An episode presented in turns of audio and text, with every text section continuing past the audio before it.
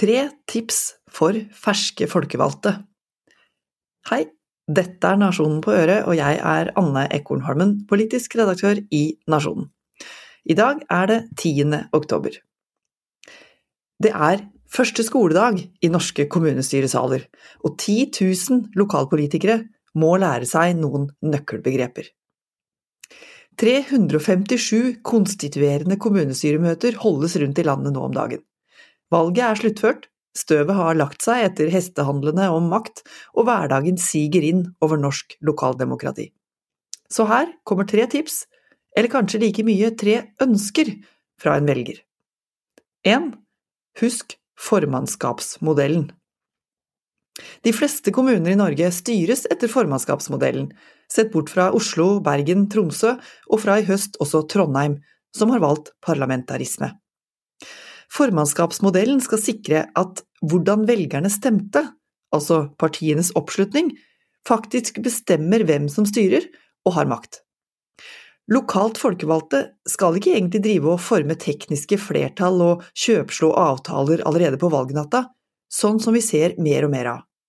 De skal ikke fordele verv uten å diskutere politikken de har valgt inn på, eller inngå intensjonsavtaler for hele fireårsperioden, som en annen miniregjering. Nei, formannskapet i kommunen skal være et representativt utvalg fra partienes kommunestyrerepresentanter. I begge organene skal det drives demokratisk, politisk arbeid. Det skal være mulig å føre åpne, helt frie debatter, sånn at de sammen finner den beste utviklinga for kommunen, på tvers av partifarger og ideologier.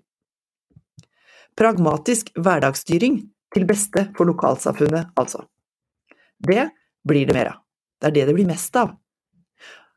Alt eh, peker mot ganske trange økonomiske rammer, til tross for statsbudsjettets påplussing med 6,4 milliarder kroner i frie midler. Det blir stadig flere eldre innbyggere, og for noen stadig færre innbyggere. Det kommer til å bli mangel på fagfolk og kompetanse, til tider for lav bemanning i barnehagene og tomme fastlegehjemler. Det er etterslep på skoleoppussing og veivedlikehold, mørklagte gater og uforutsette hendelser. Ergo kan vi vente oss politisk uenighet om prioriteringer. Debatt og meningsbryting er jo både bra og helt nødvendig, så lenge den foregår i siviliserte former.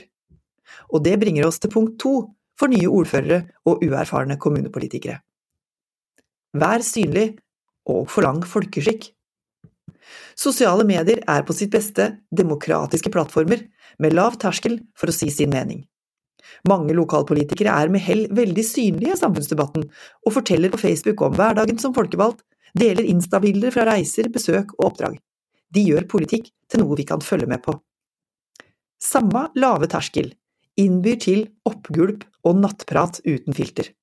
Til kommentarfelt med usaklig kritikk, hets og personangrep som skremmer folk fra å delta og engasjere seg. Det er destruktivt for alle. Ingen frivillig folkevalgt burde bli utsatt for det. Lillehammer-ordfører Ingunn Trosholmen fra Arbeiderpartiet beskriver i Ingrid Viks bok Hand i hand by og land i polariseringens tid trusler, utrygghet, søvnløshet og ensomheten i å ha en framskutt rolle. Det er vanskelig å forberede seg på anonyme meldinger og personangrep på Facebook. Men erfarne kommunepolitikere må ivareta de nye. Og folk flest må ta folkeskikken tilbake.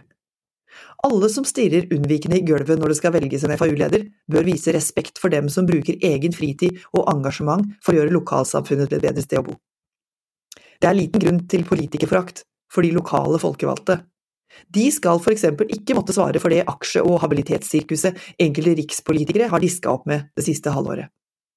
Spørsmålet om når man er ugild, er likevel høyst aktuelt i norske kommuner. Punkt tre er derfor ikke gå i inhabilitetsfella. Det burde være såre enkelt, men har vist seg å bli behandla med harelabb av politikere som er tiltrudd langt mer erfaring og sjølinnsikt enn de fortjener. Jeg sier ikke at du ikke skal være inhabil, for det er så å si umulig å unngå.